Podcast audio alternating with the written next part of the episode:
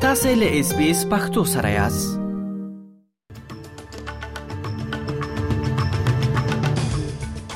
د خبرونو سرټکی د استرالیا لمړي وزیر انټونی البنيزي دا په ډاګه کړه چې د بومي استرالیانو غږ په پارلمان کې شاملولو لپاره ټول پښتنه به احتمال د دې کال په اکتوبر یا نومبر کې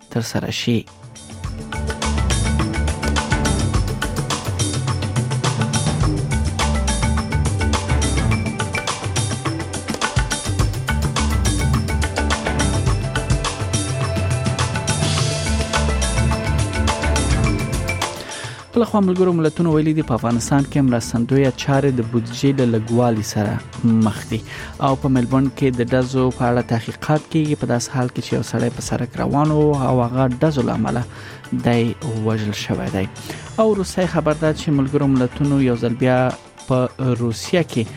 پر هغه پیښه باندې دوی اندېښنه څرګنده کړې ده چې د حکومت اپوزیسیون د غې د بند موده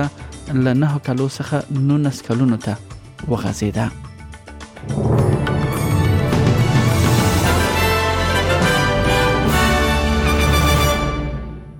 او دا هم بشپړ خبرونه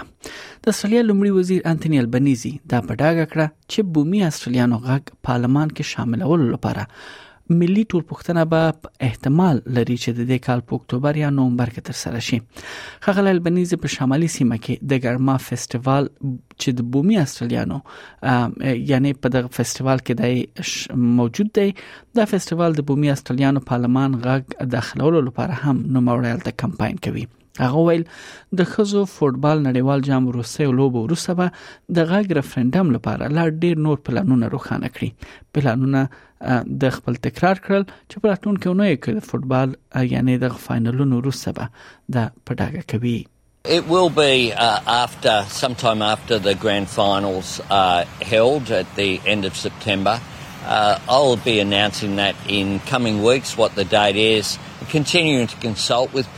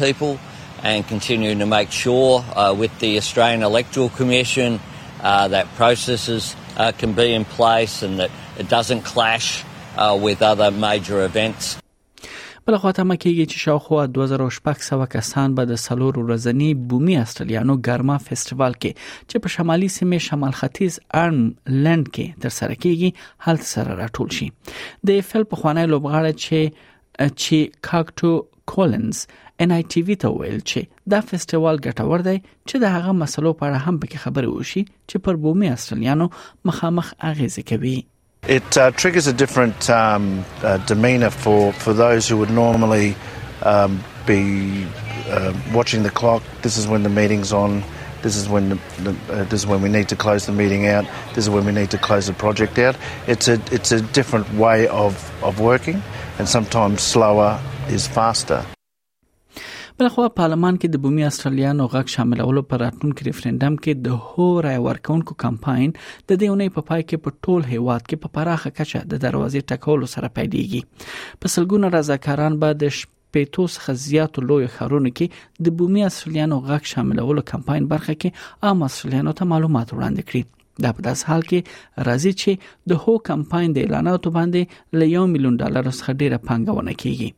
د کیمبرلی د ژبې د ملاتړ مرکز څخه جی کی کاکس وایي چې غږ کمپاین هغه ته سمانه لري We need to have a voice in Parliament House because we have been dictated to for a very long time what to do, how to do it, to the point that we feel like we're losing ourselves as Indigenous people. We just want to be heard and respected. بلخو په افغانستان کې د ملګرو ملتونو د بشري مرستو د همغږي اداره وایي چې په افغانستان کې د مرستې عملیات د بودیجې له لګوالي سره مخامخ دي دغه بنسټ پرون په یو اعلامیه کې ویلي دي په افغانستان کې بشري اړتیاو همغه راز جدي دي او د اړتیاو بودیجې لپاره یې اله سلورمه برخه بودیجه په واکه د ادارې ته ورکړ شوې ده اول خبر له پاکستان څخه د په باجوړ کې یو شمېر ځوانان د اگست پر 12 منېټه د ولسی پاسون په نامه د مظاهره اعلان کړی دی هغه وایي د پاکستان د ازادۍ په ورځ به په لاسونو کې سپین بیرغونه یې اخیسوي او په خپل سیمه کې به د امن غوښتنه کوي دا پریکړه د باجوړ په مرکز خار کې د اگست پر 13 مده ځوانانو په هغه غونډه کې شوې ده چې د سیاسي او ټولنیزو ډلو فعالان په غو کې برخه اخیسته و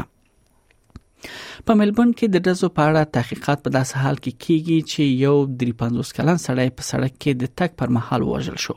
پولیس تیر شپه وروسته له هغه پیښې ځای ته ووختل شول کله چې راپورونه ورکړ شول چې یو سړی چې په لار روان و پر دزو شوی دغه سړی چې تر اوسه نه د پیژندل شوی ورپېښو ټپونو لامل پروختون کې مړ شو د وکټوريا د پولیسو د جرمونو کشف څنګه مشر ګيري پورټر له خلکو څخه د مرستې غوښتنه کړې ده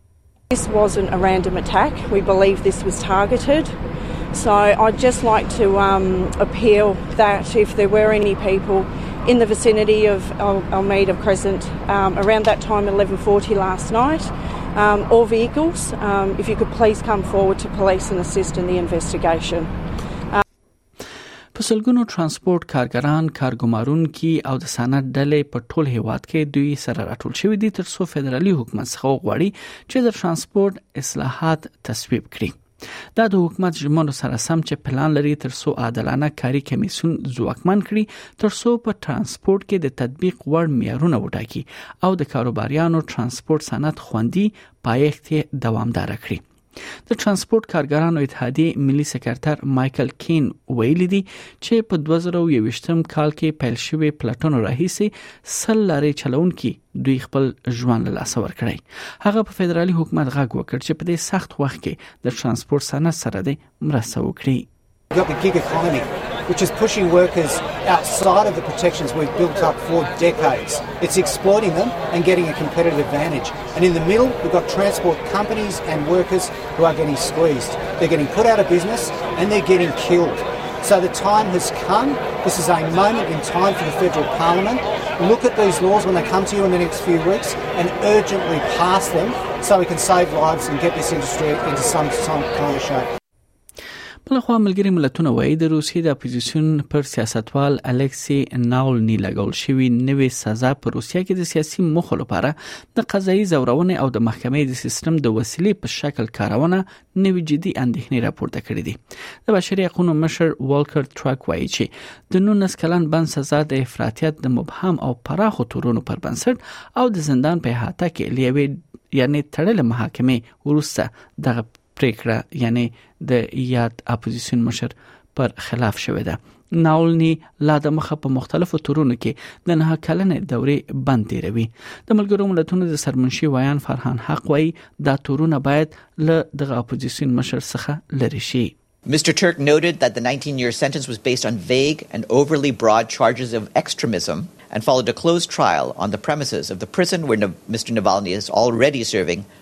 two other sentences amounting to 11 and a half years.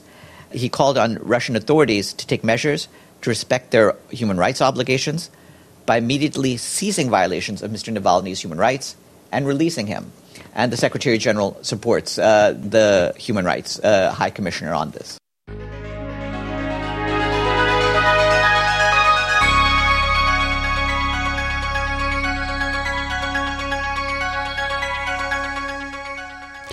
د اصلي ډالر پر وړاندې د زینو بهرنیو اسعارو بیه په نړیوالو مارکیټونو کې یو اصلي ډالر 0.15 امریکایي سنت 0.95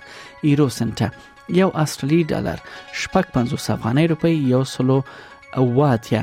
پاکستاني روپی یو استرالی ډالر 450.2 هندۍ روپی 2.1 اماراتي درهم او یو استرالی ډالر